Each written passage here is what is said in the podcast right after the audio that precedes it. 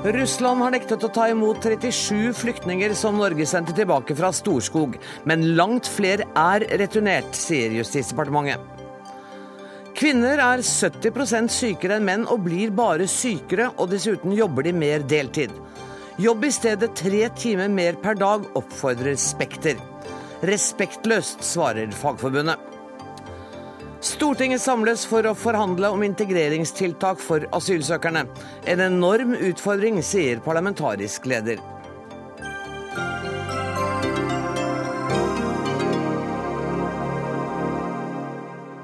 Dette er tirsdagsutgaven av Dagsnytt 18, der vi også skal møte Liv Ullmann, som er midt i prøvene på sin nye teateroppsetning, og Liv Tørres, som om kort tid overtar som ny leder av Nobels, Nobels fredssenter. Kanskje har de to mer til felles enn vi aner. Men vi skal til den norsk-russiske grensen og situasjonen der aller først i denne sendingen. For som VG fortalte oss på søndag, så er det 37 personer som har vært forsøkt uttransportert fra Norge etter at de kom over grensen fra Russland, men som ikke har blitt akseptert av russiske myndigheter og dermed returnert til Norge. Statssekretær i Justisdepartementet Gøran Kalmyr, hva slags mennesker og hva slags situasjoner er dette? Det som er eh, situasjonen foreløpig, det er at eh, man har altså uttransportert eh, nesten 30 personer direkte til Storskog, som russiske myndigheter har akseptert at man har returnert. Man har returnert en femtitalls personer som da har blitt returnert til andre land, f.eks. 20 stykker til Pakistan i forrige uke. Og så er det rundt 140 stykker som har blitt bortvist fordi at de ikke har adgang til Norge, altså, og heller ikke søkt asyl eller for så vidt. De ønsker å komme til Norge for å jobbe og ta utdannelse, og dem har man da rett og slett bare snudd på grensa. Og det har man gjort, ja. da, Men da har de snudd og blitt sendt tilbake til Russland? Da har de blitt sendt tilbake til Russland, ja. Og så er situasjonen nå at ingen har kommet verken i går eller i dag per klokka 15 i dag. Hvor optimistisk er du da med hensyn til at denne flyktningstrømmen kan være borte nå? Det er altfor tidlig å si det. Eh, men så klart det at eh, regjeringen har gjort eh, noen rekkegrep. Vi har oppbemanna Storskog med langt flere politiressurser. Vi har oppbemanna Storskog med UDI-saksbehandlere. Det er et team der oppe nå som går på turnus. Sånn at vi har nå fått apparatet på plass, slik Stortinget også har vært opptatt av det skulle komme på plass. Sånn at nå er vi i stand til å kunne behandle asylsøknadene direkte på stedet på grensa. Mm. Men det gjelder da ikke de som ikke søker asyl, de blir bare snudd ved Storskog og sendt tilbake til Russland. Ja, hvis du ikke har eh, verken visum eller du søker asyl, så har du ingen adgang til Norge, og du blir snudd direkte. Men hvis Russland heller ikke vil ha dem, da? Ja, dette er jo personer som etter tilbaketakingsavtalen vi har med Russland, Russland er forplikta til å ta imot. Og Er det personer nå eh, som kommer til norske grenser, som ikke har adgang til norske grenser, så slipper de ikke inn i Norge. Eh, uten at de har lovlig adgang. Men du, disse 37 personene som vi snakker om, som Norge altså har villet returnere, og som Russland sier nei til, hvem har ansvaret for dem nå, da? Ja, Vi mener det at uh, dette er personer som Norge kan uh, avvise realitetsbehandle asylsøknaden til. Og etter tilbaketakingsavtalen vi har med Russland, så er Russland forplikta til å ta dem tilbake igjen til Russland. Der er Russland åpenbart uenig med oss. Ja, Nå pågår det jo møter i Moskva mens vi sitter her og snakker, der, mellom russiske og norske myndigheter om nettopp tilbaketakingsavtalen.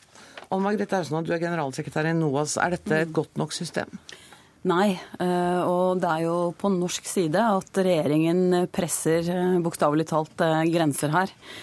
For det å definere å ha opphold Eh, til å være et tre dagers transittvisum, det er å strekke det veldig langt. Så det er jo ikke noen, eh, noe underlig at russerne bestrider den tolkningen. Og når vi ser nå at eh, mange syrere som kommer fra områder med opplagt beskyttelsesbehov, eh, forsøkes returneres tilbake til Russland fordi de har hatt et transittvisum gjennom Russland, så er det klart at det er å, å dra det veldig langt. Også i forhold til den enigheten som var på Stortinget om at mennesker med opphold i Russland, ikke bare at man har beveget seg gjennom Russland, skulle returneres til, til Russland. Vi må få oppklaring på dette, Kalmyr.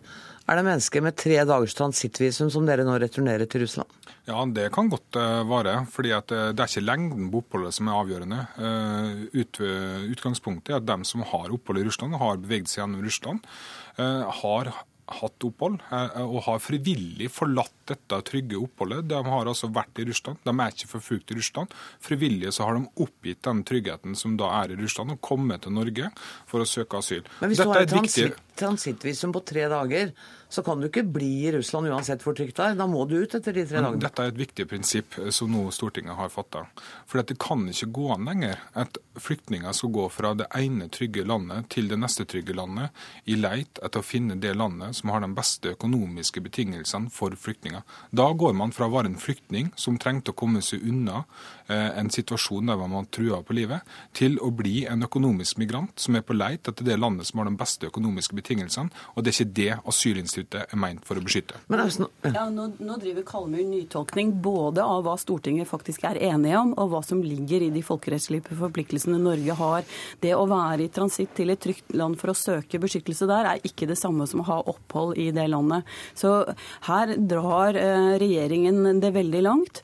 Og de gjør det også overfor eh, f.eks. Eh, irakere og afghanere fra Kabul, som de definerer som eh, åpenbare grunnløse asylsøknader. å komme med. Altså Det er betegnelser vi tidligere kun har brukt for, på folk som kommer fra vestlige land, mm. type Balkan, eh, som vi mener at her foreligger ikke beskyttelsesbehov. At det kan foreligge beskyttelsesbehov for irakere og for afghanere fra Kabul, det er helt opplagt, og det kan man ikke vite før man faktisk har behandlet de sakene. Men, men den situasjonen som Kalmyr beskrev nå, ligner ikke den, den, litt på den situasjonen vi hadde før vi fikk Dublin-avtalen, altså på 80-tallet, hvor flyktninger jo faktisk shoppet land og reiste fra sted til sted? Ja, Dublin-avtalen ble jo nettopp opprettet for å forhindre såkalt asylshopping. Men den ble også opprettet for å sikre at det var et land som faktisk hadde ansvar for å behandle asylsøknaden.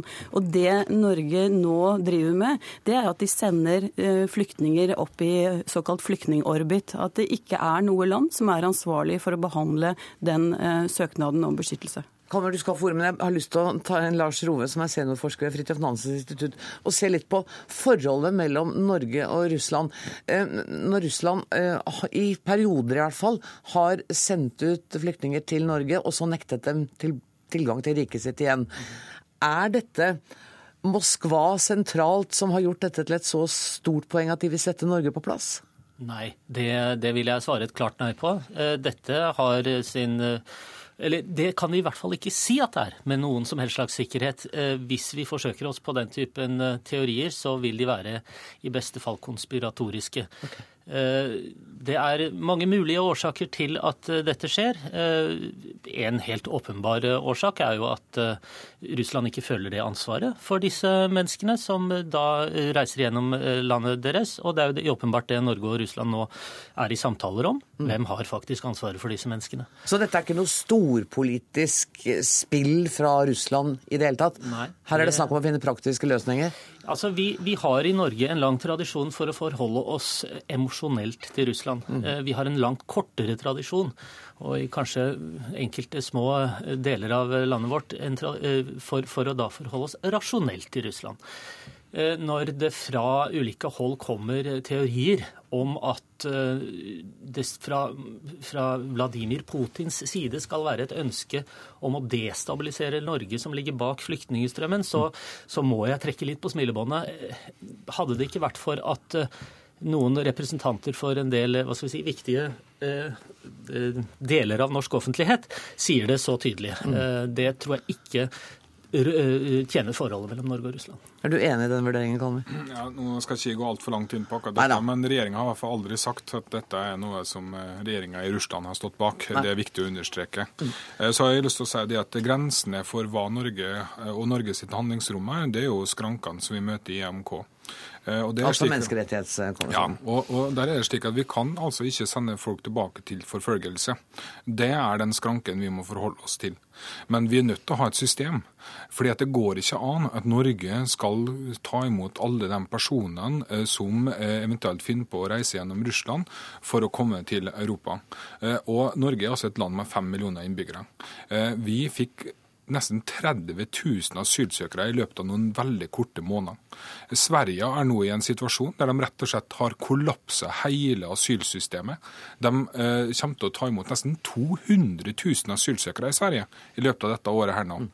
Eh, og skal vi greie å ta vare på den velferdsnasjonen som vi har bygd opp gjennom flere generasjoner, så er vi nødt til å sette grenser. Men jeg har forståelse for at NOAS er en representant for asylsøkeren, men vi er en representant for befolkninga, og vi er nødt til å tenke hensyn til befolkninga. Og, og vi er nødt til å tenke at dette skal være en bærekraftig utvikling, og da må vi sette grenser. Men det må vel dere nå også tenke at det skal være en bærekraftig utvikling? Jo, men altså når man da viser til Sverige, så er jo det en helt annen situasjon svenskene er i enn, det vi er her. Eh, og eh, det er også slik at eh, man kan ikke returnere mennesker til forfølgelse, men man kan heller ikke returnere mennesker til land hvor de igjen kan bli returnert videre til forfølgelse. Og Russland er dømt i Den europeiske menneskerettighetsdomstolen så sent som i oktober for ikke å ville gi en syrer adgang til asylbehandling behandling i Russland, men ville returnere syreren til uh, Syria. Sånn at dette, dette er også et Sendte han ut, da? Nei, og det er det eneste gode ved det russiske systemet, at de, de, får sjelden effektuert vedtakene sine. Men det betyr jo at mennesker blir i Russland uten noen rettigheter. Og det kan jo ikke du være noe tilfreds med, at det er den situasjonen man returnerer mennesker med tre dagers transittvisum tilbake til en rettighetsløs eh, situasjon i, i Russland. som er altså, De er dømt i Den europeiske menneskerettighetsdomstolen 2000 ganger. Altså, dette er ikke noe stabilt eh, regime som ivaretar asylsøkeres rettigheter. Og de sier rett ut at nå prioriterer vi søknader fra Ukraina, og det står 800 000 ukrainere i kø og venter på å få oppholdstillatelse i Russland. Veldig kort svar kommer. Veldig kort på det der. Ja, nei, altså... Eh vi er nødt til å ha et system mm. der eh, det første landet asylsøkeren kommer til, det er dem som har ansvaret for at den personen ikke blir sendt tilbake til de utrygge områder. Det er Dette er systemet vi er nødt til å videreutvikle. Eh, og eh, Hvis vi hadde hatt et sånt system, så kunne vi også videreutvikle det med at vi kunne hente inn personer fra det landet gjennom å være kvoteflyktninger. Det var slik asylsystemet var meint å lage, eh, fra opprinnelsen av. Men nå Men, rakner det? Nå rakner det fordi at yttergrensa i EU har rakna, ja. og da bare strømmer det på. for at asylinstituttet Fordi dere ikke ivaretar det instituttet dere sier dere skal ivareta. Asylinstituttet var meint for å hjelpe enkeltpersoner til å komme seg ut av et totalitært regime. Det var aldri meninga at man skulle håndtere masseflukt som situasjonen er i dag. Vet du hva, vi kommer ikke lenger. Eh, jeg må si tusen takk for at dere kom, Gøran Kalmyr, Ann Margrit Austen og Lars Rove. Og tusen takk til deg. tusen takk, tusen takk.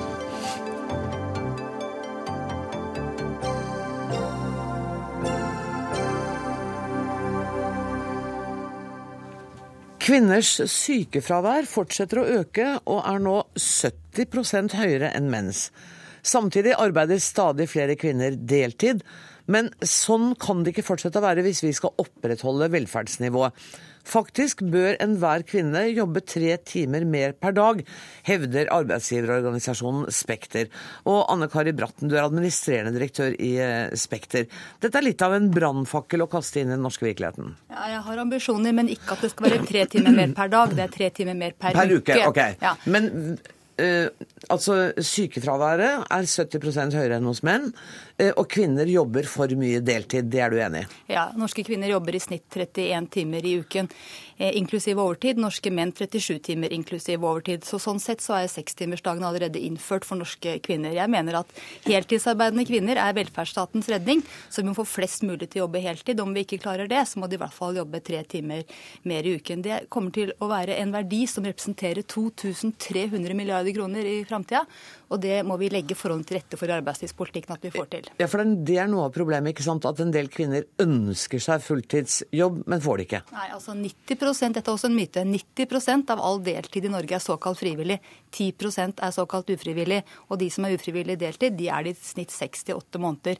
Det som er så trist, det er at eh, To tredjedeler av de som jobber deltid, sier de kunne jobbet mer dersom de hadde hatt en arbeidstidsordning tilpasset sin livsfase. Så det er viktig at vi får gjort noe med eh, arbeidstidsbestemmelsene som får det til. Ellers så syns jeg det er til ettertanke at etter at vi fikk full barnehagedekning i Norge, så har deltiden sunket betydelig blant småbarnsmødrene, slik at den nå er lavere enn den er hos de som ikke har småbarn. Der øker deltiden. Det var det jeg så. Jeg så at de som ikke har småbarn, eller som har barn som er blitt så store at de ikke trenger den mm. daglige mm. omsorgen, eh, de eh, går mer inn på deltid. Ja, er ikke det overraskende? Det, der øker deltiden, og det syns jeg er veldig vanskelig å forstå. Sissel Skogheim, du er nestleder i Fagforbundet. Du har sagt at dette er respektløst overfor kvinnene. Hvorfor det? Ja, jeg mener det at uh, Bratten og Spekter de fremstiller, mener jeg, kvinner som late. Eh, og nå legger all, all ansvaret på kvinners skuldre. I stedet burde eh, Spekter ta arbeidsgiveransvaret og sørge for å tilby faste og hele stillinger. For det er ikke fakta i dag. Ja, men det, Nå sier hun at 90% av dem som jobber deltid, jobber det frivillig. Eh, vi eh, er 350 000 medlemmer mange kvinner, spesielt i helsesektoren, kvinnedominerte yrker, yrker, der vet vi at stor andel av dem blir aldri tilbudt hele stillinger. Vi så det faktisk på en undersøkelse her i høst som Fri fagbevegelse viste til. Eh, der var det sånn at 70% av utlyste stillinger var deltidsstillinger. Det er også sånn at eh, det har fått bli en kultur på arbeidsgiversida over, over mange tiår der man har lyst ut eh, deltidsstillinger, og så i, i stedet har man en stor ekstravaktbase som skal ta seg av det som når det er behov for å leie inn vikarer. Så, okay. Sånn at de tallene Bratten kommer med, er ikke riktige? Det er langt flere som blir tvunget til deltidsstillinger, mener du? Eh, nå er det litt vanskelig også å kunne måle hva som er frivillig deltid. For vi har medlemmer som har stått en stund i arbeidslivet, som du nevner, som har begynt å få voksne barn, som sier at bemanninga i helsesektoren eller i de kvinnedominerte, tunge fysiske yrkene. Bemanninga er så lav at for å verne om egen helse og for å kunne stå lenger i arbeidslivet, så har de altså følt seg tvungen til å gå i redusert stilling. Nå sprer eh, Sissel Skoghaug, som jeg for øvrig har veldig høy respekt for, eh, myter. Dette har vi ryddet opp i for lengst. Eh, det er altså sånn at vi har fantastiske velferdsgoder i Norge som gjør at vi kan jobbe deltid når vi har små barn, når vi er syke eller tar utdanning. Men når en en heltidsansatt går ned i deltid, så oppstår det nødvendigvis en deltidsstilling. Og noen må jo fylle den deltidsstillingen. Dessuten så vet vi at, en, at det er ikke så mange av de som jobber deltid som gjør det pga. helse, som Sissel Skoghaug sier. Det er bare no, en del av de som jobber deltid. Det er dessverre for mange kvinner som ønsker seg fri på tirsdag for å gjøre andre ting enn å være i arbeid. Og jeg syns at hovedregelen i norsk arbeidsliv skal være heltid, også for damene. Fordi damene også trenger sin økonomiske selvstendighet. Men er det latskap da, tror du? At, at de ikke gidder å jobbe full uke? Ja, Det syns jeg er nesten respektløst å si at jeg har sagt at de er late. Norske kvinner på, i offentlig sektor f.eks de jobber som mer av den blinde. De ja. løper hele tiden. Så de er absolutt ikke late. Jeg har aldri sagt de er late. Jeg har sagt at vi må legge forholdene til rette for at de kan jobbe mer, slik at vi kan få tak i arbeidskraften og de kan få økonomisk selvstendighet. Men du sier de jobber som mer av den blinde, og så vil du at de skal jobbe enda mer? Ja, de jobber som mer av den blinde når de er på jobb, men vi må legge forholdene til rette for at de kan komme, jobbe like mye som menn. Det skulle bare mangle at i 2015 at ikke det skulle være lik fordeling av arbeidsoppgavene på hjemmebane, slik at kvinner kan jobbe like mye som menn.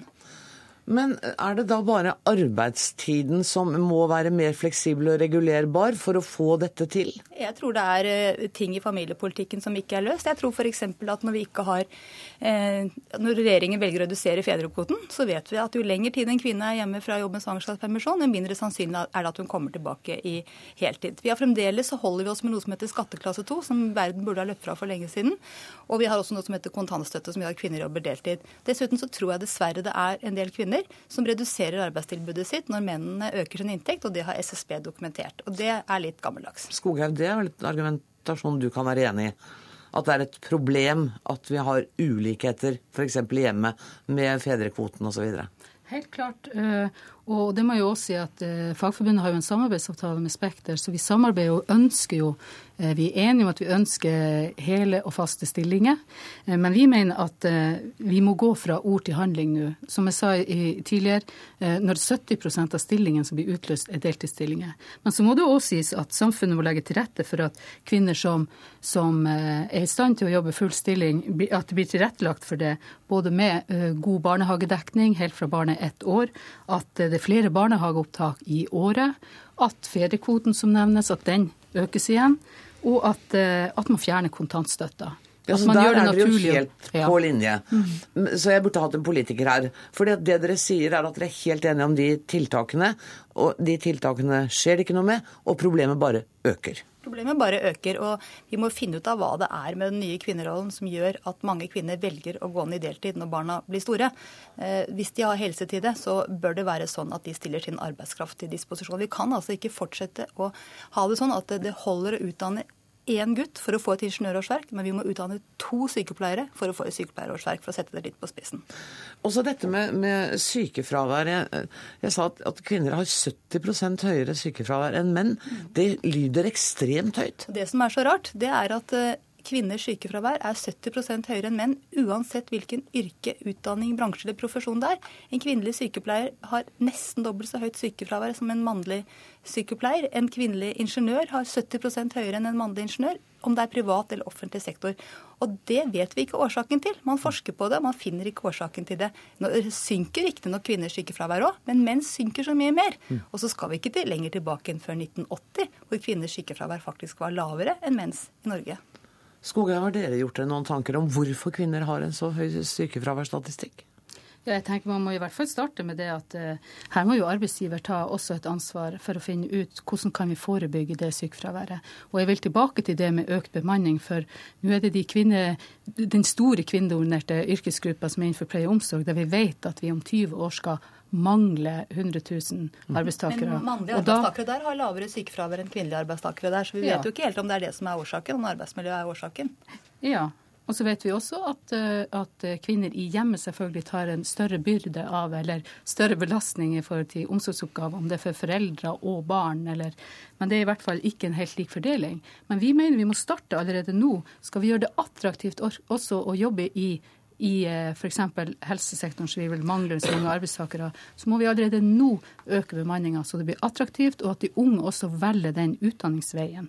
Da får vi også, det, det vil jo òg føre til flere hele stillinger. Så dere er enige om en del av tiltakene, men eh, det høres ut som dere må snakke sammen med politikerne? Mm, det tror jeg nok. Jeg tror det er viktig med et godt trepartssamarbeid, og så må regjeringen reversere den reversen de har i likestillingspolitikken for tiden. Mm. Og regjeringen er altså ikke representert men det er dere to. Tusen takk for at dere kom, Anne Kari Bratten og Sissel Skoghaug.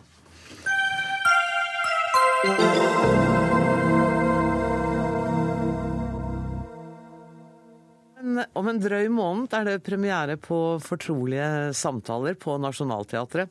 Forestillingen skal deretter ut på turné i regi av Riksteatret. Dette er materiale som Liv Ullmann eh, har behandlet tidligere i en kort TV-serie på to episoder som het Enskilda samtale fra 1996, stemmer ikke det, Liv? Eh, basert på manuskriptet til eh, Ingmar Bergman. Hvordan er det å skulle gjøre det til et scenearbeid, Ullmann? Egentlig så er det fristende å gjøre det også, eh, for det ble en film av dette, en helaftens film. Det ble det også, jeg visste ja, det. Og jeg får jo ofte høre at mine filmer ser ut som teateroppsetninger, så da er den kanskje kommet på sin rette plass, og også fordi jeg har materiale som Ingmar ikke hadde. Jeg har hele dagboken til mammaen. Han skriver om sin mamma. Og jeg har også en dagbok som han skrev mens han laget manuskriptet til Gjenskilte samtale. Og hans dagbokarie. Og der var det saker som absolutt ikke var i filmen. Så de som tror at de nå får en kopi av Enskilde samtale, de tar feil? De får en kopi, for det er en fantastisk forfatter som har skrevet når man blir kjent med det, og for skuespillerne når de blir kjent med det, så kan mye som de kanskje trodde først var litt ærverdig og litt gammeldags, plutselig ser de å, det er det det betyr, det er dette han står for. Da er teksten en fantastisk hjelp. Og jeg har aldri laget en tekst til dette, jeg har bare brukt tekster som Ingmar ikke brukte. Så det er Ingmar Bergmans tekst, rett og slett? Ja, jeg... Bearbeidet av deg? Jeg har ikke bearbeidet han tekst, for det har jeg ingen rett til. Jeg, jeg, kan ikke forandre på hvem et menneske er. Det ville jo være ganske skammelig av meg. Men det jeg har gjort, er å føye til det som står i hans dagbok, føye til det som var i hans pappas brev gjennom 50 år, føye til det som var i mammas dagbok. Men jeg har aldri diktet, løyet eller lurt her kom det litt ulm. Overhodet ikke. Men du, vi må snakke litt om hvordan du arbeider. Fordi um, jeg hadde gleden av å se deg arbeide i uh, New York da du satte opp sporvogn til Begjær med, med Kate Blanchett i, i, hovedrollen. Og det lille jeg så da, var jeg tenkte Jøss, det kan da ikke være så vanskelig å være instruktør. Hun gjør jo ingenting, tenkte jeg om deg. For du, du sto liksom ikke framme og viste veldig hvordan det skulle gjøres. Du er mye mer lavmælt, eller? Ja, ikke hele tiden, oh, men jeg er lavmælt når jeg sitter og ser, og ser at dette mennesket vet og kan. Kanskje det ikke er kommet hit enda. Eh, hvis det går galt av sted, så vet skuespillerne, i hvert fall de fleste jeg har jobbet med, at jeg ser, jeg ser uhyggelig godt. Og hvis jeg da kommer opp og sier noe som egentlig skal være bare mellom oss to, så er det 'jeg ser hva du gjør, jeg ser hva du skaper nå'. Mere, mere, gi oss mere. Og der lærte jeg bl.a. av Kate Blanchett noe som er viktig, at min egen forfengelighet må gå bort. Jeg må ikke sitte på prøven og tenke 'gjør mer, gjør mer', så min forestilling er bra. Det var når vi var halvveis i uh, Sporvogn til begjær. Så skulle teatret komme og sitte og se på, for det var tradisjon. Og da var vi halvveis. Hun tok sin tid med å lære teksten, men mens hun tok tiden å lære teksten, så levde hun med hele teksten. Men hun hadde bok. Og på denne forestillingen, da, midt i det hele, så hadde hun bok. Da ble jeg forfengelig og tenkte nå ser alle dette, og da går det på meg at ikke jeg har gjort dette riktig. Mm. Og så var det ferdig, og ingen sa så mye, og det gikk. Og der satt Kate på sengen sin helt alene og var så ulykkelig, for hun kjente jo det også. Forfengeligheten, Ullmann, gikk ut av rommet. Jeg syns hun kunne vel ha lært det til dette. Og så skjønte jeg Da var du irritert? Ordentlig irritert? Ja, et øyeblikk. Og så skjønte jeg, og så mintes jeg hun som satt på sengen. Og jeg gikk aldri til henne. Jeg gikk ut, og da skjønte jeg plutselig den jeg skal være på side med hele tiden, det er skuespilleren. Og så gikk jeg inn igjen, og så sa jeg jeg ser alt du har inni deg, om forlatelse. Og plutselig, mens vi satt sånn, så ble vi egentlig bundet sammen for livet. For jeg hadde sett henne og forstått henne. Og det er det en skuespiller skal vite, for en skuespiller er skapende. Instruktøren også, men på en annen måte. Hun skal la skuespillerne få lov til å skape. Opplever du det nå? Men det med norske skuespillere? Uh, ja, stort sett uh, så, så, gjør jeg det. Av og til så er det noen som kanskje vil forsøke seg å spørre og, og diskutere, og sånn kan det også være. Og da kanskje vi diskuterer litt mer, og kanskje man av og til skal kjenne at uh, den som har skrevet manus og har levet med dette lenge, kanskje har ideer som de kan bruke. Uh, men det er også en annen form å prøve på i mm. Norge. Mm. Mm. Men den gode formen og den fine formen, det er se på dem, gjenkjenne dem. Alle mennesker vil jo bli gjenkjent. Gjenkjenne dem og si 'Å Gud, jeg ser hvor du skal hen', og, og, og takk for det. Mm. Du, Liv, 9. januar er det premiere, og vi skal ikke snakke om hva slags nerver du har i forbindelse med det. Jeg har tenkt rett og slett å skifte litt tema det siste minuttet vi skal snakke sammen. Fordi um, vi får snart en ny gjest inn. Og jeg vet jo at du har jo vært utrolig opptatt av flyktninger. Og særlig kvinnene. Og nå er det opprettet noe som heter et fellowship i ditt navn. I uh, det som heter Women Refugee Commission. Commission. for Refugees, ja. ja. Og vi eh, opprettet den for 20 år siden. Vi var i eh, i Kina i, i, og, og, skulle se på og det kaller jeg konsentrasjonsleirer for flyktninger fra Vietnam. Det var i Hongkong, var det ikke det? Ja. Mm. I Hongkong. Mm. Fryktelig, fryktelig var det. Men vi slapp inn. Ingen andre slapp inn av sånne komiteer som kom fra alle, all andre land. Men vi så og kvinnene de forstår ikke så mye, i alle fall. Så vi slapp inn der, og vi slapp inn der, hvor det aldri hadde vært sånne mennesker som oss. Og når vi da skulle reise, så hadde vi et stort presseoppmøte, og vi sa hva vi hadde sett, og det virker som særlig kvinnene ikke blir tatt vare på. De ble sendt i fengsel to måneder før de skulle føde barn, og hvis de begynte å føde barn for tidlig, det opplevde vi, så ble lårene sammensurret på en kvinne. Ble sendt i to timer til hospitalet, og barnet var selvfølgelig dødt der. Reglene, og særlig på den tiden, var veldig sterke i sånne leirer. Og da bestemte vi oss. Nå skal vi gjøre noe. Og vi ble faktisk kastet ut av Kina. Og jeg har aldri vært så stolt over å bli kastet, kastet ut, ut, noensinne. Og den, og den er i dag den er i dag Vi begynte bare vi fem som reiste, men i dag vi er kjempestore kvinner for, eh, for flyktninger. Kjempestore. Og ja, det er kanskje noe av det, av det beste jeg har gjort i livet. Ikke jeg, men hva disse menneskene lærte meg. Og, og det er det det handler om. Det er ikke statistikker, det er mennesker. Og Vi har hatt besøk av Liv Tørres. Jeg har invitert deg, Liv Tørres, fordi, både fordi du kjenner igjen den situasjonen som Liv Ullmann snakker om. Du, har vært, du er vel det mennesket jeg kjenner som har vært i flest flyktningleirer. Eh, men ikke bare det. Du skal også begynne som leder for Nobels eh, fredssenter rett over nyttår.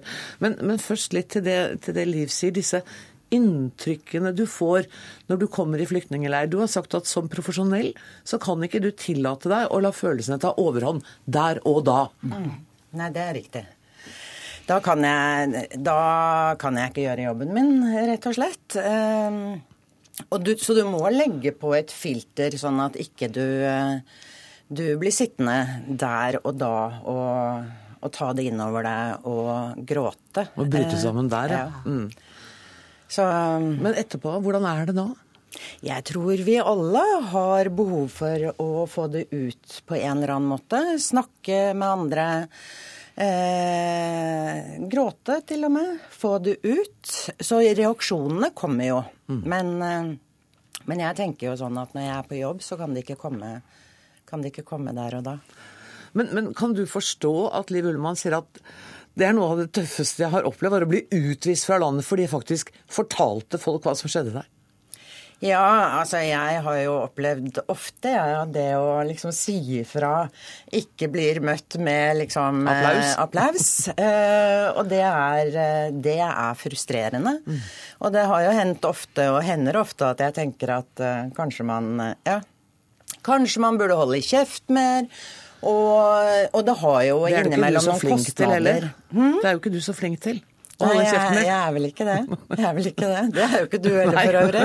det er ikke jeg heller. Det er ikke du heller. Men er det, er det, noe vi skal lære oss? Er vi nødt til som kvinner å lære oss å holde med munnen? Nei, jeg Nei. tror ikke det. Jeg Nei, tror ikke jeg det. tror ikke det.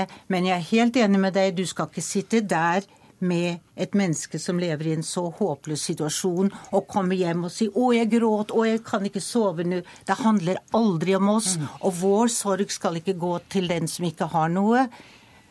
De skal kjenne at de blir gjenkjent, og vi skal reise hjem og da skal vi snakke. Ja, bli gjenkjent og bli lyttet til, sånn at vi kan formidle historiene deres videre. Det er viktig, og at de får tillit til at vi gjør det vi kan for å gjøre akkurat det. Bringe historiene deres ut, og gjøre det vi kan for å hjelpe. Men uh, det er ikke oss det dreier seg om, nei.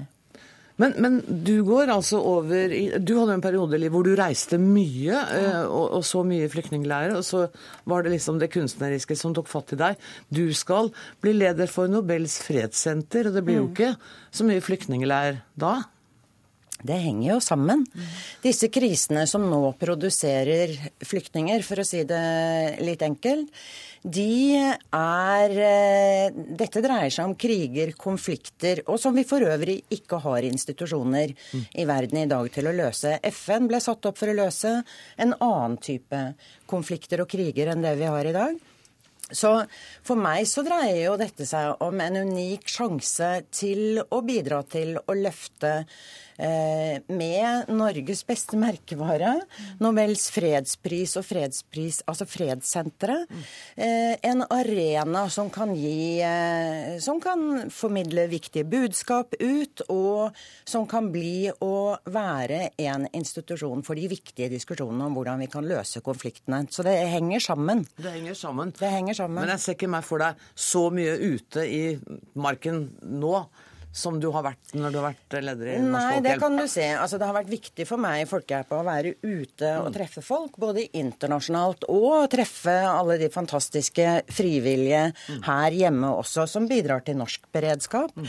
Men, men at det blir mange møter med veldig spennende mennesker og bidrag til å løfte de viktige debattene, det er jeg helt sikker på at det blir. Så Men Liv Ullmann, savner du noen ganger de årene hvor du reiste mye rundt på vegne av FN og denne organisasjonen din? Nei, fordi det strakte seg også over mange år, og innimellom så gjorde jeg det som er mitt virke, og innimellom så skrev jeg også en bok om, om disse flyktningene.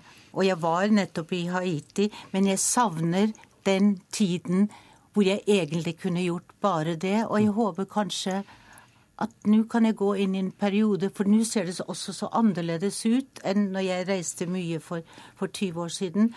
Eh, det som er viktig for meg, at jeg må lære meg, og som jeg håper andre lærer seg, at vi snakker ikke om statistikker. Vi snakker ikke om nå blir det mer og mer, og nå må vi beskytte oss selv. Vi snakker om mennesker som er sånn som jeg, som er sånn som deg, som er sånn som deg. Og, vi ville hatt det samme behovet som så mange av flyktningene er i dag. I dag syns jeg det er for mye, også hos meg. Tar de hele min plass her nå i, i Norge? Og det er jo ikke det det handler om. Vi snakket om velferdsstaten i Dagsnytt 18 i går, og jeg så på Facebook Liv Tørres, at du var ikke så fornøyd med at vi hadde snakket om at velferdsstaten var så under sånn press, for du syns ikke det, du? Jeg er vel frustrert av to grunner. Eh, det ene er at jeg syns at veldig mange av reaksjonene her hjemme, og, og fra politikere kanskje spesielt, eh, dreier seg om å stenge døra, og 'dette klarer vi aldri', og, og, og det, det er ofte, mener jeg, en mangel på anerkjennelse av vårt internasjonale ansvar, og en manglende evne til å se at det faktisk er menneskelige behov, og de har behov for beskyttelse. Den andre delen av det, som gjør meg dypt frustrert, er jo at når vi har kriser eller problemer, utfordringer, står overfor komplekse situasjoner, da uansett hva den krisen dreier seg om, eller problemene dreier seg om, da setter du deg altså ikke ned og un understreker hvor vanskelig alt er, og dette kommer aldri til å gå. Da bretter du opp ermene og gjør noe. Så altså, alle disse regnskapene om, om, hvor mye dette kommer til å koste, mm. altså, du kan i hvert fall være helt sikker på at det kommer til å komme, koste sinnssykt mye hvis vi ikke gjør noe. Mm. Altså Hvis vi bare sitter helt stille og eh, omtrent stenger eh, asylsøkere inne på mottak, så de ikke får sjansen til å bidra, ikke kartlegge kompetansen deres, ikke gjør det vi kan for å bidra til at de kommer ut i det norske samfunn, da kommer det i hvert fall til å koste mye. Mm. Vet du hva, Det er utrolig sjelden jeg har to mennesker som sitter i studio og som er så enige med hverandre som dere to er nå. det, er det, det er på en måte litt uh, befriende, det også. Uh, jeg ble bare litt nysgjerrig, Liv Ullmann, på du sa kanskje jeg nå kan gå inn i en periode hvor jeg kan gjøre mer av det. Betyr det at du foreløpig ikke har planer om hva som skal skje etter fortrolige samtaler? Ja, jeg har, jeg har vel liksom Å, kan du være med denne filmen, skuespillerinne og sånn. Men jeg er i en alder nå, 76 år, hvor folk sier Tenk, holder du på enda? Og så er det så mye snakk om Jeg, jeg er, er kraftig, jeg er klar til å holde på, men så vi kan slutte å snakke om dette. At jeg kan bruke den enorme styrken jeg har, og gjenkjennelse av andre mennesker. At jeg kan bruke den til noe som fylte mitt liv enormt for mange, mange år siden, og som jeg kanskje kan gå tilbake til og ha mer tid til. Og at det er en plan som ikke skal nå være mellom desember og, og det, men at det er en plan som Ja, nå velger jeg det for en tid. Der kan du se, Hun har tenkt å brette opp ermene og bidra. Ja. ja jeg tar ikke den til meg i det hele tatt, men jeg må si tusen takk til dere. Takk til Liv Tørres, og takk til Liv Ullmann. Jeg har tenkt å si takk til deg. Førstehjelpsskrin. Ja, det trenger jeg, tror jeg. Det trenger du fra Norsk Folkehjelp. Og så 500 måltider til flyktninger oh, i Syria og nærområdene. Fantastisk. Så dette legger jeg igjen her, og så kan du få en klem etterpå. Så skal jeg sørge for at ingen av gutta stjeler gavene mine. Jeg hadde også en gave til deg, men jeg fikk ikke lov til å ta den. Var det så pinlig? Nei, ikke vet jeg.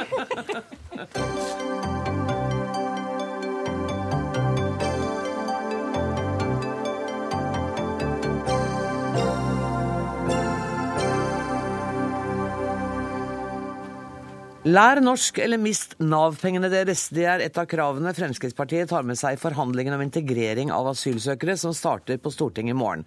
Hittil har debatten handlet om regjeringens 15 forslag til innstrammende tiltak. I morgen går partiene i forhandlinger om hvordan flyktninger på best mulig måte kan integreres i det norske samfunnet. Jonas Gahr Støre, leder av Arbeiderpartiet. UDI har de siste ukene meldt om en større skepsis fra kommunene når det er snakk om integrering av asylsøkerne. Deler du den oppfatningen som UDI har gitt uttrykk for gjennom massemedia? Jeg betviler ikke UDIs observasjoner. De er jo til stede og ser hva mange kommuner nå har fått av utfordringer, særlig med akuttmottak som ikke har forberedt det. Eh, men jeg tror samtidig at veldig mange kommuner nå er veldig ivrige på å komme i gang med integrering. Eh, mennesker skal ikke bo livene sine på mottak, de skal komme i gang med livene sine. Og mennesker som skal få bo i Norge, de skal jo nå gjøre på veldig kort tid en reise som vi har brukt hele livet på. Nemlig lære norsk, eh, gjør din plikt, krev din rett, alle de tingene i riktig rekkefølge.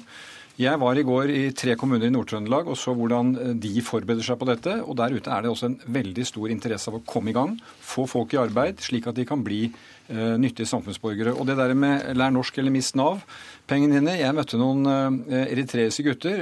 De bød ikke true med å miste Nav-pengene sine for å lære norsk. De kunne ikke lære nok. Og På ett år så hadde de lært seg meget skapelig norsk, og de ville bli snekkere og rørleggere og litt av hvert. Og det tror jeg er bra for det norske samfunnet. Men, men nå er det litt den der, det fremstiller du nå som litt idylliserende. Når vi ser bygder som Bolkesjø med 40 fastboende, som kan få 680 asylsøkere. Men de skal ikke bo i Bolkesjø. Eh, altså, dette er akuttmottak for å håndtere at de får tak over hodet når de nå kommer i en situasjon som ingen eh, kunne vente. Og UDI har gjort en stor jobb, og kommunen har gjort en stor jobb. Så skal de jo etter hvert begynne på bosettingssporet. Eh, og da må vi få en dugnad som vi skal begynne på i Stortinget i morgen, om hvordan vi fordeler dette rettferdig mellom kommuner. Jeg tror til nå så har kommunene kunnet velge om de vil stille opp på dette. Jeg tror at alle kommunene må være med på denne dugnaden. Mener du det? At alle kommuner ja, må? Jeg mener at alle 428 kommuner på en eller annen måte må delta. Fordi at dette er nå øh, så mange som skal få øh, muligheten, som skal bo her, som skal kunne bidra. Og da tror jeg at det trengs innsats fra alle. Men, men der hvor det er akuttmottak, er jo ikke meningen at folk skal bli boende, skal begynne å leve livene sine. Eh, Harald Tom Nesvik, du er parlamentarisk leder i Fremskrittspartiet. Bør alle kommuner tvinges til å delta på denne dugnaden? Nei, Fremskrittspartiet kommer ikke til å tvinge kommuner til å uh, inn i en situasjon som de ikke kan håndtere. Uh, det er store forskjeller kommunene imellom, uh, både på størrelsesmessig, kompetansemessig. Det å ha mulighet til å kunne bidra. Jeg tror at vi, Det er et mangfold av kommuner der ute. Jeg syns svært mange kommuner gjør veldig mye allerede. Og, og Derfor så blir det feil å, å tvinge kommunene inn i en situasjon. Man må ha den dialogen og se hva hver enkelt uh, har kompetanse og mulighet til å bidra med. Bruk av tvang er etter min mening helt feil uh, resept. Men nå mente vel ikke Støre at alle skulle gjøre akkurat like mye? Nei, jeg brukte ikke ordet tvang, men jeg tror at du må få til en type rettferdig fordeling. Hvor var Namsskogan kommune? Det er en kommune med 850 innbyggere øverst i Namdalen. Der har de nå tatt imot en syrisk familie, mor og far og barn. Det er en oppgave for dem, men de tar den, og de går løs på den. den det store trykket vil komme i f.eks. her i mm, Oslo mm. og i store byer. Men jeg tror at du må få til prinsipper som bør avtales med kommunene om en rettferdig fordeling, eh, hvor vi bidrar. Og så eh, er dette en oppgave hvor eh, jeg tror Liv Tørre sa det, hvis vi ikke gjør dette på ordentlig vis, mm. går i gang med norsk kvalifisering osv., så, videre, så blir det mye vanskeligere både for de menneskene som er kommet, og for samfunnet. Trygve Slagsvold Vedum, du har tatt initiativet på en måte til dette storforliket om det. Men nå ser vi at regjeringen ønsker jo at de store kommunene som Oslo, Trondheim, Tromsø, Stavanger skal ta imot 3000 i brakkebyer. Ja, Det mener vi er en veldig dårlig idé, de brakkebyene. Vi mener et bredt forlik mener er en veldig god idé. Men uh, i det forliket så, så, håper jeg at vi klarer å gå bort fra den type tanker om brakkebyer. Da er det bedre med ti små enn én stor. For vi tror at hvis du lager veldig store konsentrasjoner i brakkebyer, så er det en oppskrift på innelåsningseffekt og dårlig integrering, og på sikt da dårligere norskopplæring og dårligere arbeidsdeltakelse. Så vi mener at det er en feil modell. Og så skjønner jeg at Erna Solberg er litt desperat som statsminister, kommer med ulike typer ideer, men den ideen håper jeg vi kan klare sammen uh, å få til uh, å legge bort, og at vi heller har andre løsninger. Jo, men Det hun sa var jo at for de byene som sier ja til dette, så vil staten ta regningen for de nødvendige velferdstiltakene. Men, det jo, men det er mye viktigere da f.eks. i Oslo istedenfor å bygge Si at du skal bygge én brakkeby, da, for å bruke uttrykket, på 3000 stykk, da f.eks. i utkanten av Groruddalen eller en eller annen plass det er plass, ja. så vil jo det bli en innelåsningseffekt. Og da vi til, kan vi stå i fare for at vi med åpne øyne skaper en getto. Og det er, det, vi, det er, jo det ingen av oss ønsker. Og da kan det også isolere folk. Og vi vet at hvis vi isolerer folk, så blir det også mer radikalisering. Så jeg, som i alle andre sammenhenger, tror på smådriftsfordeler, tror på nærhet, få folk ut i arbeid, få folk ut i det lokalmiljøet. Og da må, men det er én ting bak alle orda som er helt avgjørende, og det er penger. Mm. Kommunene må settes i stand til å ha god integrering. Settes i stand til å gi norskopplæring, sånn at ikke kommunepolitikeren, ordføreren, må sette flytningen opp mot eldreomsorgen. Og Der må regjeringa også være villig til å eh, bidra på en helt annen måte enn det vi har gjort til nå. Ingjerd Schou, du er medlem av kommunal- og forvaltningskomiteen for eh, Høyre. Eh, helt konkret, hva er det de skal diskutere i morgen? Nå får jeg inntrykk av at det er liksom litt i alle retninger, det er sikkert min skyld, men at det er mange temaer? Jeg tror det er også deltakernes skyld. Men det man skal diskutere og starte på i morgen, det er oppfølgingen av den avtalen man nå har kommet frem til, hvor man har 18 punkter på innstramning. Eh, og så skal man diskutere hvordan vi kan integrere mye bedre. Og Nettopp. det vi vet, det er at eh, som Høyre er opptatt av, det er at vi må komme langt raskere i gang med å, å få til integrering. Arbeid er helt sentralt. Eh, og så må vi få en mye lengre avtaler med kommunene, kommunene, sånn at de vet og kan forplikte seg over lengre tid. Vi vet også en annen ting, og det er at det er veldig stor forskjell på kommunene. Noen kommuner klarer nesten å få 100% av det de har, de de har fått bosatt i kommunen i arbeid, mens andre klarer 10-19 mm. uh, Og de gode casene, altså de som klarer å bruke hele kommuneorganisasjonen, og ikke betrakte flyktninger og asylsøkere som noe annet enn andre innbyggere, men de har et særlig behov, bruker kommuneadministrasjon, bare ikke den halve stillingen for flyktningkonsulent denne gangen, kobler det opp med forpliktende avtaler til næringslivet. Masse sosiale, flotte eh, arbeidsgivere og frivillige lag og organisasjoner. Langt, eh, langt, langt bedre resultater på å få folk i arbeid, lære språket og selv ville bosette. og klare bosette. Er det ikke nettopp det Skau er inne på som er det viktige, at det er så stor forskjell på også kvaliteten på de norske kommunene? Jo, det er helt riktig. og Derfor så vil det være forskjellig hva de kan stille opp med. Men det vi skal snakke om i morgen, er jo da kommunenes situasjon og øh, integrering, altså hvordan vi støtter kommunene. Som Trygve Magnus sier, uh, de trenger støtte fra storsamfunnet, fra Stortinget. Jeg tror også de trenger en romsligere økonomi for å gjøre oppgaver de ikke har planlagt for. Og hvordan vi jobber med integrering. Mye av dette er vi jo ganske enige om. Liksom vi vet hva som virker med å lære norsk og komme i jobb. Men jeg tror det, det, som, det som gjør at det er viktig at vi kommer til enighet om noen hovedkonklusjoner nå, er at for de som blir sittende i mottak, hvis det går for mange dager, for mange måneder og til og med for mange år uten at det kommer aktivitet og kvalifisering, så blir den jobben fryktelig vanskelig. Så dette flotte ordet vi har i Norge om å gjøre sin plikt og kreve sin rett, mm. det er det disse menneskene egentlig ber om, og det må vi legge til rette for. Vi må jobbe langs eh, mange akser. Nå har man eh, lagt bak seg en, en diskusjon knytta til hvordan vi kan dempe strømmen inn til Norge. Det er viktig, og det er også viktig å ha fokus på at de som ikke skal være her, raskt skal sendes ut igjen. For de tar også plass for de personene som skal være her. Ja. Uh, og det er de personene vi snakker om å integrere på en skikkelig måte. Ja, og det er dem vi snakker om, bare så ja. vi holder de andre ja, utenfor nå. Det er litt viktig. Uh, og Derfor er det viktig at vi må få et raskere og bedre system knytta til godkjennelse av hva kompetanse den enkelte har, som faktisk sitter der for å kunne gjøre seg nytte av den. Vi er nødt til å se på flere alternativ knytta til det som har med mottaksstrukturen å gjøre. Uh, vi må se på hele mottaksstrukturen, slik at det tilpasser de enkelte. Både personer som skal vises ut, personer som skal være her, og personer som skal integreres over tid. Så det er en rekke ting vi må gjøre, men det er viktig at vi også sørger for at de som er med på disse tingene, eh, altså som er med på et integreringsløp, så vil det også ha konsekvenser for å ikke være med på det integreringsløpet. Okay. Så må kommunene settes i stand til å gjøre dette her. og Jeg mener også at når det gjelder det som har med mottaksstrukturen å gjøre, så bør man se på mange ulike alternativ. Man trenger ikke å gå på disse gigantoppleggene, verken å bruke idrettshaller der barn og unge må betale prisen for dette. Da man kan se på nedlagte skoler, Eh, og en rekke andre ting som man kan ta i bruk. Altså for meg høres det ut som dere alle er enige om at ja, de skal være norsk, og de skal komme fort ut i arbeid, og så kommer enheten når dere skal bestemme dere for hvordan dere skal oppnå målene, Vedum. Noe av det viktige med at vi tok initiativ til det, først et innvandringsforlik, eller innvandringsregulerende forlik, og nå integrering, er at det her er ting som ikke går over i morgen. Og, for, og Om to år så er det et stortingsvalg igjen, og da kan det være andre som styrer. Og Da er det viktig at det er en forutsigbarhet for kommunene for mottakene, og at vi klarer å gå litt på tvers av partigrensene. Og vi klarte å bli enige om de innvandringsinnstrammende tiltakene. Og du ser jo her at den politiske enigheten er egentlig ganske stor om måla. Det som kommer til å være den store debatten til slutt, er hvem som skal betale regningen. Mm. Og jeg tror at skal vi lykkes, så må den rike parten, altså staten, nå med Høyre og Frp i regjering, si at nå må vi ta en større del av regninga på statens hånd. For kommunene har en mye mer prekær situasjon. Og det er mitt uh, skrekkscenario. At det blir lokale konflikter mellom uh, innvandrere som skal integreres, og andre tiltak. Og der må vi fra Stortinget og regjeringen bla opp på en helt annen måte. Hva syns du om det, Skau? At staten tar en større del av regninga? Det er jo ikke penger som er problemet når vi ser forskjell på kommunene som lykkes og ikke lykkes. Men hva er det? Det, det er også det. Men uh, det viktige nå er å diskutere og prøve å få en enighet om tiltakene. Målene kan vi være enige om, men hvilke virkemidler som skal til. Komme i gang med integrering allerede i integreringsmottakene. Klare å være individuelle. Kartlegge kompetanse forutsatt at de har fått opphold og avklart identitet.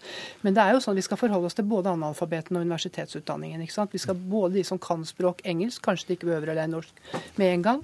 Men det er klart også økonomiske insentiver har, eh, har en verdi. Mm. Det kan jo også tenkes at vi skal på en måte belønne de som raskere kommer ut enn de som en måte trenger lengre tid. Men, eh, også. Når det altså kommer 30 000, eh, eh vi har planlagt for 8, og det kommer 30, så tror jeg ikke det går an å si at eh, penger er ikke så viktig. Altså for, jeg sier ikke det, det er ikke svaret alene. Men, Nei, men, altså, det, det, men vi, det, er en beredskap, det nei, å snakke om brakkebyer. Nei, det er en beredskap, det er nasjonalt. Men jeg snakker om den kommunen som skal gjøre denne jobben med sitt helsevesen, med sitt arbeidsliv, eh, og som får en ekstraordinær stor byrde, så tror jeg at i fall, Det er ikke sikkert det handler om mye penger, men det handler om å lytte til kommunene og sette dem i stand til å gjøre den oppgaven. For at, ikke sant, Lege, Der hvor du har fulle fastlegelister, og så kommer det mange mennesker inn med helsebehov, så må vi legge til rette for at de har økonomi til å gjøre denne jobben. Jeg synes Noe av det interessante jeg sa i stad, var at det er forskjell i kvaliteten på kommunene. Noen kommuner klarer faktisk å bruke hele kommunen, andre bruker bare den halve stillingen som er Det er det for nordmenn som bor i Norge, og det er forskjell på kvaliteten i kommunen. Men burde det ikke da være noens ansvar å sørge for at man kan sette kommunene i stand jo, til det, det, er jeg helt enig i, men vi hører jo alt fra kultur til helse. Hørtes ut som en debattant, jeg nå. Ja, men det er jo det, var ikke meninga, det. Det er kanskje det du er i ferd med å bli også. Det, er, det vil jeg si er på tide. Men, men, men det, er, det, er, helt riktig at det er forskjellene. Men jeg tror som uh, Trygve Magnus Slagsvold Fredrum sier, at hvis ikke vi ser at dette, dette også er en ting som fellesskapet må stille på å ta regninga for, ja. så kommer det til å bli mye vanskeligere. Vi er nødt til å se på de økonomiske aspektene for kommunene. for Hvis ikke så vil det gå ut hver andre tilbud i kommunene, hvis at vi, vi ikke gjør det. Eh, fordi, og Samtidig må vi se på hele virkemiddelapparatet. Det er grunn til å stille spørsmål hvorfor er kostnaden knytta til en enslig asylsøker i Norge to millioner, mens han i Sverige samme kostnaden beregnet til 800 000. Vi må se på de forskjellige måtene å gjøre det på, men vi må også sikre eh, at vi har en struktur som faktisk også ivaretar eh, andre innbyggere sine interesser slik at ting ikke går på bekostning av helsepersonell. Vi så i Kirkenes bl.a. når vi hadde veldig stor eh, tilgang over, over Storskog, så brøt mye av systemet på Kirkenes sykehus sammen, bl.a. knyttet til røntgen og det som skal gjøres. Vi må sørge for at disse tingene er på plass, men vi må også tørre å stille krav eh, tilbake igjen også, at det får konsekvenser hvis man ikke er med på det eh, integreringsløpet. Hvis man ikke er med på de forskjellige tingene, så skal det også ha en konsekvens. Nå har Fremskrittspartiet styrt dette feltet i to år, litt over to år. Og det vi så i høst, var at på innvandringsinnstramming klarte dere ingenting før Senterpartiet og Arbeiderpartiet gikk inn. For det var bare et spill mellom de fire partiene eh, som nå samarbeider. Og det er det samme spillet vi er redd for å se på integrering. Derfor så ønsker Senterpartiet og Arbeiderpartiet igjen være med å ta ansvar, selv om det er dere som styrer. Og vi vil være med å sikre flertall for tiltak som sikrer integrering, sikrer norsk, sikrer arbeid. Men vi kan ikke sitte i Oslo og lukke øya og se at er kostnadene er ute i kommunene, og da må vi stille opp også med penger. Ja, men jeg må få lov å svare på dette, for dette er direkte tull. Eh, for det, det som skjedde, det er at faktisk pilene knytta eh, mot Norge, det gikk nedover. Og det gikk nedover i forhold til andre land i Europa, helt frem til stortingsflertallet gjorde sitt vedtak om å ta imot 8000 og 10 000 var debatt på de forskjellige landsmøtene. Da snudde pilene, så vi må ikke prøve å skape et inntrykk som ikke er det. Du, nå har jeg fryktelig lyst på å svare på det, men nå har jeg lyst på å gjøre noe jeg har enda mer lyst på, Anne Grosvold. Det er å være skikkelig uskikkelig mot deg, nemlig snu sendingen.